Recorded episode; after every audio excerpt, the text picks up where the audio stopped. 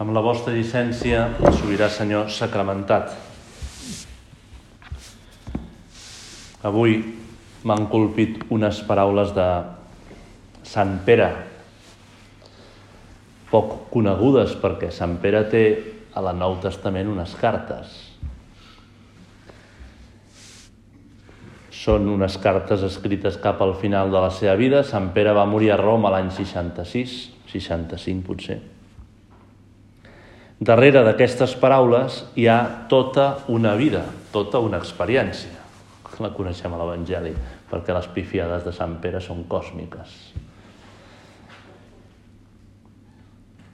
I al mateix temps hi ha tota una por de que ell deixa el món i els que queden allà, un grapat de cristians, no se n'adonin de la seva grandesa. Per això els hi escriu amb força, vosaltres sou poble escollit, sou reialme sacerdotal, sou una nació sagrada, una possessió personal de Déu perquè proclameu la lluança d'aquell que us ha cridat del país de les tenebres a la seva llum admirable. Són unes paraules potents, grans. Sant Pere ha viscut la persecució. Ja han passat quasi 30 anys de que ha mort el primer apòstol, Sant Jaume, a, a, a Jerusalem. Aquests 30 anys hi han hagut persecucions, hi ha hagut morts, hi ha hagut cristians martiritzats. Ell ara està a Roma, està a punt de ser martiritzat. Poc després d'aquesta carta hi ha la famosa persecució de Nerón, que coneixem per la història. Sant Pere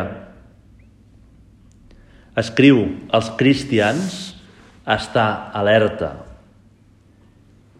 no amagar-se en les dificultats, no reduir la condició cristiana a la pròpia intimitat. Els anima a la santedat i a l'exigència pròpia. Aquestes paraules no estan dirigides com si fos Sant Pere del Vaticà, els cardenals tots desfilant. No sou nació sagrada, sou reial, sou poble sacerdotal. Estan dirigides a cristians, alguns patricis romans, altres esclaus, altres treballadors, cristians de peu.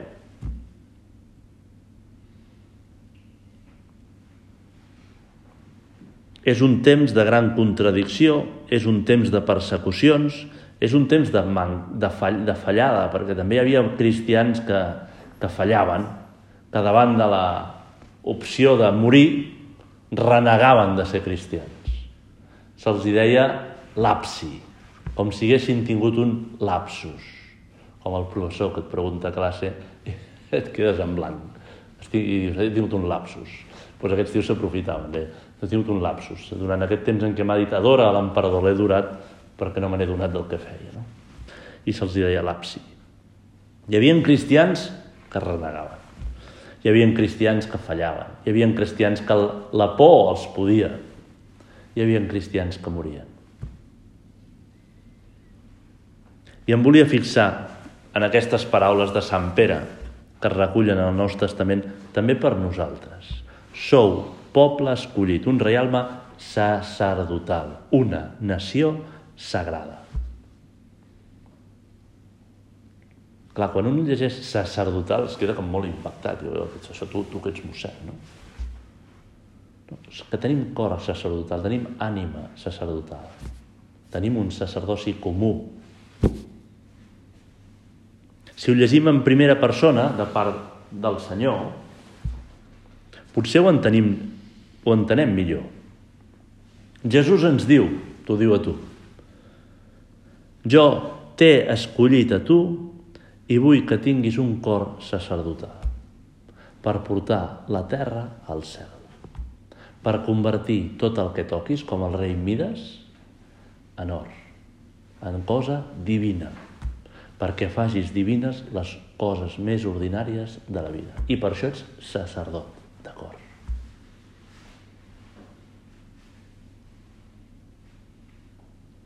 I el mateix Sant Pere ho, ho, ho, ho aclara aquí, diu perquè proclameu la lluança d'aquell que us ha cridat del país de les tenebres a la seva llum admirable. A vegades a les processons del Corpus o altres cerimònies hi ha gent que li agrada portar els seus vestits, no? Els caballeros de la Cruz Dorada, de la Orden del Santo Sepulcro, de la Orden de Malta, etc. No? I els tios desfilant allà, no? I dius, un s'imagina que nació sagrada, cor sacerdotal, pot significar que hem de sortir al carrer disfressats. I no és això. En canvi sí que ens ajuda a veure el pobre mossèn, el pobre mossèn, tros de carn, que agafa en les seves mans un tros de pa i diu, preneu, mengeu-ne tots, això és el meu cos, entregat per vosaltres. I es queda al·lucinat perquè entre les seves mans ha deixat d'haver-hi pa i hi ha Déu i un, un laic el que toca també ho converteix en diví. La família es converteix en un lloc lluminós i alegre. El treball es converteix en diví. Les coses ordinàries es converteixen a Déu. I això és el que ens diu Sant Pere. I és molt fort. Un cor sacerdotal no es refereix al mossèn, sinó un cor que estimi de veritat i porti aquest amor als altres homes. Un cor que no tingui por al sacrifici, a l'entrega, a l'amor de Déu. No ens podem confondre. Un cor sacerdotal que uneixi el món ordinari amb Déu. Sant Pere no s'està dirigint a, a, a, als preveres de l'Església de Roma. Sant Pere s'està dirigint als pobres laics que moriran amb ell, a quatre desarrapats, però que valen infinit. Es diu, encara que per fora ningú us valori, encara que per fora sembleu una minoria, un menyspreu del... És que sou nació sagrada, és que sou una passada. Sou capaços d'unir la terra amb el cel en els vostres cors quan viviu santament la vida ordinària. Tot això ressona molt amb Sant Josep Maria, que demà tenim la canonització, l'aniversari de la canonització. Sacerdotal que porti tota la creació a Déu. Mossèn, jo ja faig catequesis a la parròquia. Diu, no, sacerdotal, l'altre. Que faci sagrat el treball perquè el fa bé que faci sagrat el matrimoni perquè fa de la seva casa una llar lluminosa i alegre on es viu l'entrega, el viure, vivir para, viure pels demés. I podríem concretar moltes coses i és bo que ho fem en aquest recés mensual mirant el Senyor. Mirant-te tu, Jesús, perquè ets tu el que ens dius aquestes paraules. Sant Pere estava en un moment difícil els cristians eren molt minoria, menyspreats. Els cristians els mataven. Durant els 300 primers anys hi va haver 10 grans persecucions. Ara també estem en un moment de dificultats. Hi ha una gran enfermetat més perillosa que la Covid, que és la, el refredament de la pietat. La distància amb tu, Senyor. Soc cristià però no et conec. Crec en Déu però no et conec. Crec en un Déu que m'ha donat uns manaments, que m'ha donat un codi moral. És un moment de dificultats. No ens maten, però no és fàcil ser cristià del tot, amb una vida coherent. I encara és més difícil sentir-se revestit d'aquest sacerdoci per fer apostolat, perquè proclameu la lluança d'aquell que us ha cridat del país de les tenebres a la seva llum admirable. És difícil proclamar aquesta lluança. Avui he llegit un momentet, informe sobre la llibertat religiosa al món, l'any 2023. Quants països no hi ha llibertat religiosa? La població d'aquests països és la meitat de la població del món. Quants cristians viuen en règim perseguits? Més de la meitat dels habitants de la Terra pateixen una certa discriminació per ser cristians. Nosaltres estem en un ambient fred, però cristià. Avui, en aquesta estona d'oració, jo em volia fixar en això. Jesús, ets tu, Senyor, que ens demanes tenir aquest cor sacerdotal, aquesta ànima sacerdotal. O sigui, i aquí ha un salt mortal, Jesús vol que el seu sagrat cor segueixi batejant en el nostre per mig del nostre. Jesús vol que siguem una perllongació del seu sagrat cor en la nostra família. Jesús vol que siguem una perllongació de com és ell al nostre treball. I aquí podem agafar un punt de camí, no? Tant de bo que els altres, quan et vegin o et sentin parlar, diguin aquest llegeix la vida de Jesucrist. No sé què tenia aquest tio, però donava pau al lloc on estava perllongació de Crist. Que el cor de Jesús segueixi bategant en el meu cor quan tracta els altres. I aquesta afirmació és molt profunda. Resumeix una mica tota la teologia catòlica. Jesús ha pres possessió de nosaltres. Ho diu així, Sant Josep Maria. En el baptisme, el nostre Pare Déu ha pres possessió de les nostres vides. Ens ha incorporat a la de Crist i ens ha enviat l'Esperit Sant. És molt interessant que veiem, Senyor, que les meves mans han de ser les teves mans, que els meus ulls han de ser els teus ulls i que el meu cor ha de ser el teu cor. Que la finalitat de la meva vida cristiana no és anar a missa, no és confessar-me no és fer quatre coses ben fetes, sinó ser un altre Crist, el mateix Crist. Acostar a tots els homes a Déu.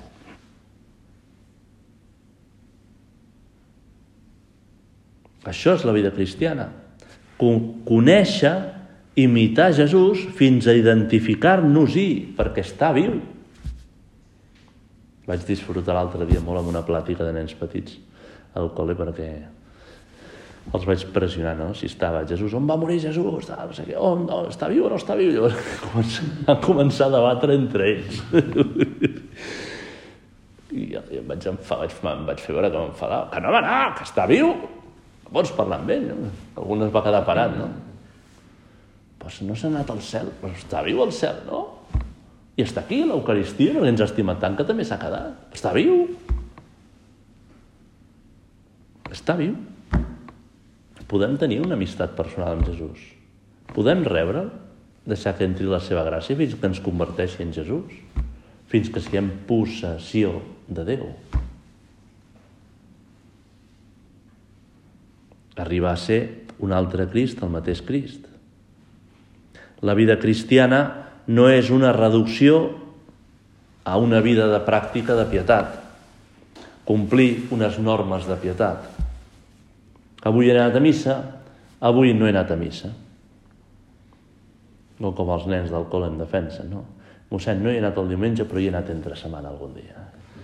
És un jaque mate una miqueta, bueno, ja està bastant bé, no? Però veure si aconsegueixes algun dia anar el diumenge. La vida cristiana no és fer, no és fer, és ser, és ser, no fem apostolats, som apòstols.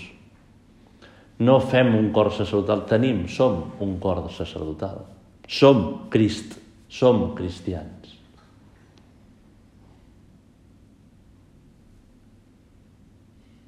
I trobem també una persecució, entre cometes, una oposició a ser cristians de veritat, a tenir un cor ardent d'amor pels homes, com Jesús, trobem una oposició primer dins nostra, la nostra inclinació al pecat, eh? la nostra debilitat, la nostra soberbia, la nostra mandra, el nostre egoisme. És la principal oposició. I després trobem una oposició exterior de l'ambient. És que un cristià és signe de contradicció. Ja ho és, ja ho és tu, Senyor, que vas morir a la creu.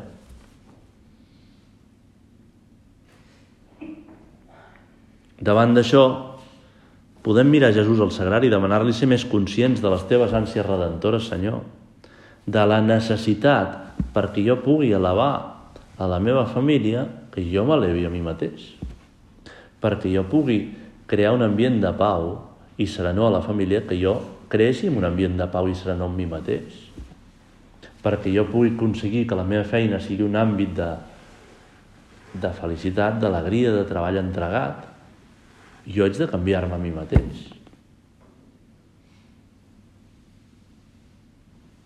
Ressonen també en les nostres oïdes les darreres paraules de Jesús, als apòstols i a nosaltres, el seu llegat, podríem dir, el missatge final. Aneu per tot el món i feu deixebles.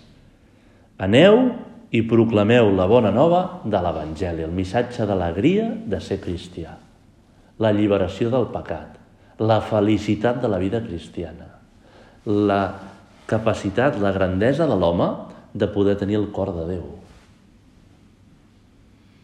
El gran miracle, com el d'un sacerdot quan toca el pa i amb unes paraules el converteix en el cos de Crist. I cada un de vosaltres, tocant la realitat ordinària, el pot convertir en presència de Déu. Contemplació, vida sobrenatural, realitat divina. Aquest missatge de Sant Josep Maria encara no s'entén. No s'entén que el laic pugui fer això. I ara que tenim la canonització davant, ho hem de tornar a mirar. Igual que el sacerdot converteix el cos de Crist, el laic, de manera anàloga, de manera semblant, pot fer present a Crist en el món. Divinitza les realitats. Acaba en la seva carn el que falta la passió de Crist en la realitat ordinària, en el dia a dia, en el treball, en l'amistat, en el pàdel. El pàdel també es pot santificar, encara que sigui un esport de pijos, i el golf, també el golf es pot santificar. Aquí hi ha golf, hi ha, he trobat, vaig veure que hi un camp de golf important anant per aquí, per la Nacional 2, cap, a, cap avall. Tot, tot, tot. Aquest és el missatge de Jesús. Aquest és el teu missatge, Senyor. Jesús vol que el seu sagrat cor segueixi bategant per mig del nostre cor, per tots els homes en totes les activitats.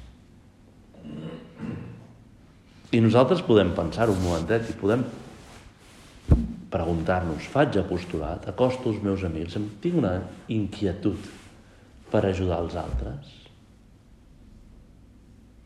Em preocupen les ànimes? Em donen les ofenses de Jesús? Faig algun pla apostòlic? Tinc vergonya respecte als humans? M'excuso?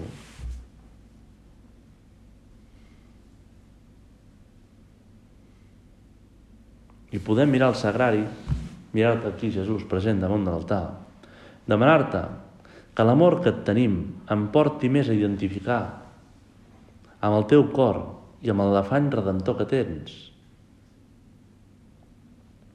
Recordo que de petit anava al col·le i anàvem amb tren,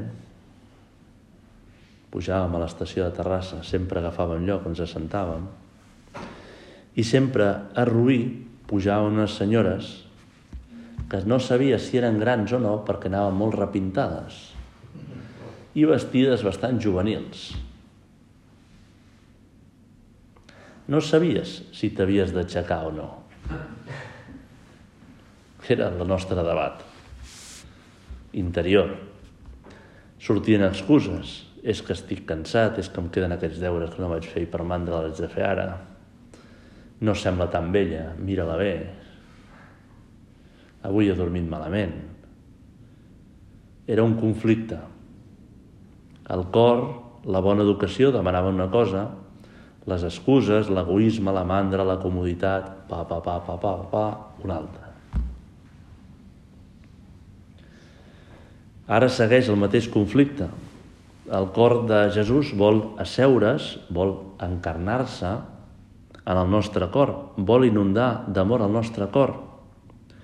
I apareixen excuses, comoditat, egoisme, fredor de l'ambient,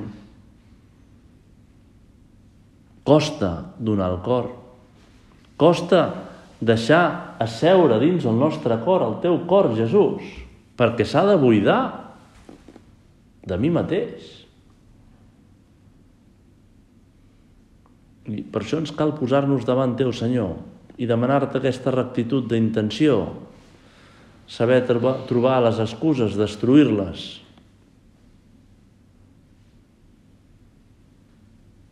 Inclús més, quan veiem que posem excuses, es mostra clara que allò és el que hem de fer.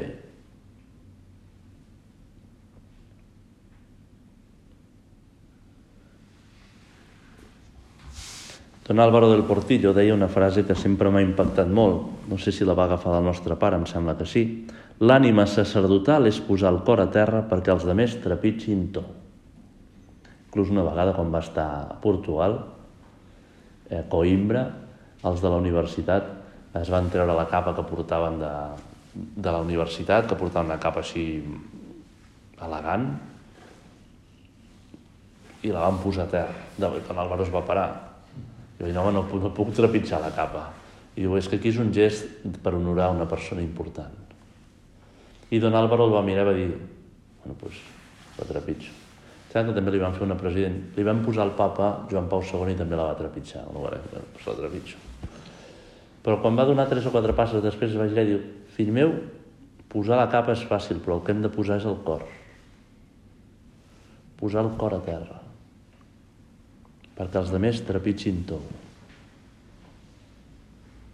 Deixar que Jesús s'assegui, regni en el nostre cor, tenir cor sacerdotal. Cal esforç. Estem inclinats com la torre de Pisa cap a la nostra comoditat, no deixar seure la gorda de Rubí. Però ojo, perquè aquesta senyora de Rubí ja no és una senyora repintada que camufla la seva edat i vesteix de forma estranya, sinó Jesucrist, que pel seu amor, amor a la, pel meu amor, amor a la creu. És ell el que m'està demanant asseure's en el meu cor. És ell el que m'està demanant que jo tingui un cor que sigui el seu cor.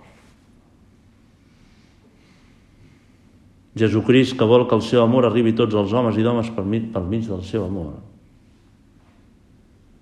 Ara que estem a les portes de l'aniversari de la canonització, li podem demanar també a Sant Josep Maria. Llums per fer realitat tot això. Que siguem capaços d'esforçar-nos, que siguem capaços de, de descobrir les coses que ens ocupen, que no li deixen lloc, que comencem a posar propòsits, petites lluites per rectificar-ho.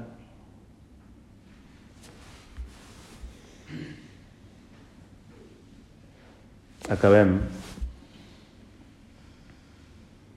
mirant a la Mare de Déu. També està molt estesa la devoció al Sagrat Cor de Maria. I ell és model d'aquest cor sacerdotal d'entrega amb tota la seva vida. És potser una de les últimes coses que va escriure el papa Sant Joan Pau II. Diu, Maria, li diu Maria Eucaristia, Maria és dona eucarística amb tota la seva vida. Maria és cor sacerdotal amb tota la seva vida, dient que sí sempre a Déu.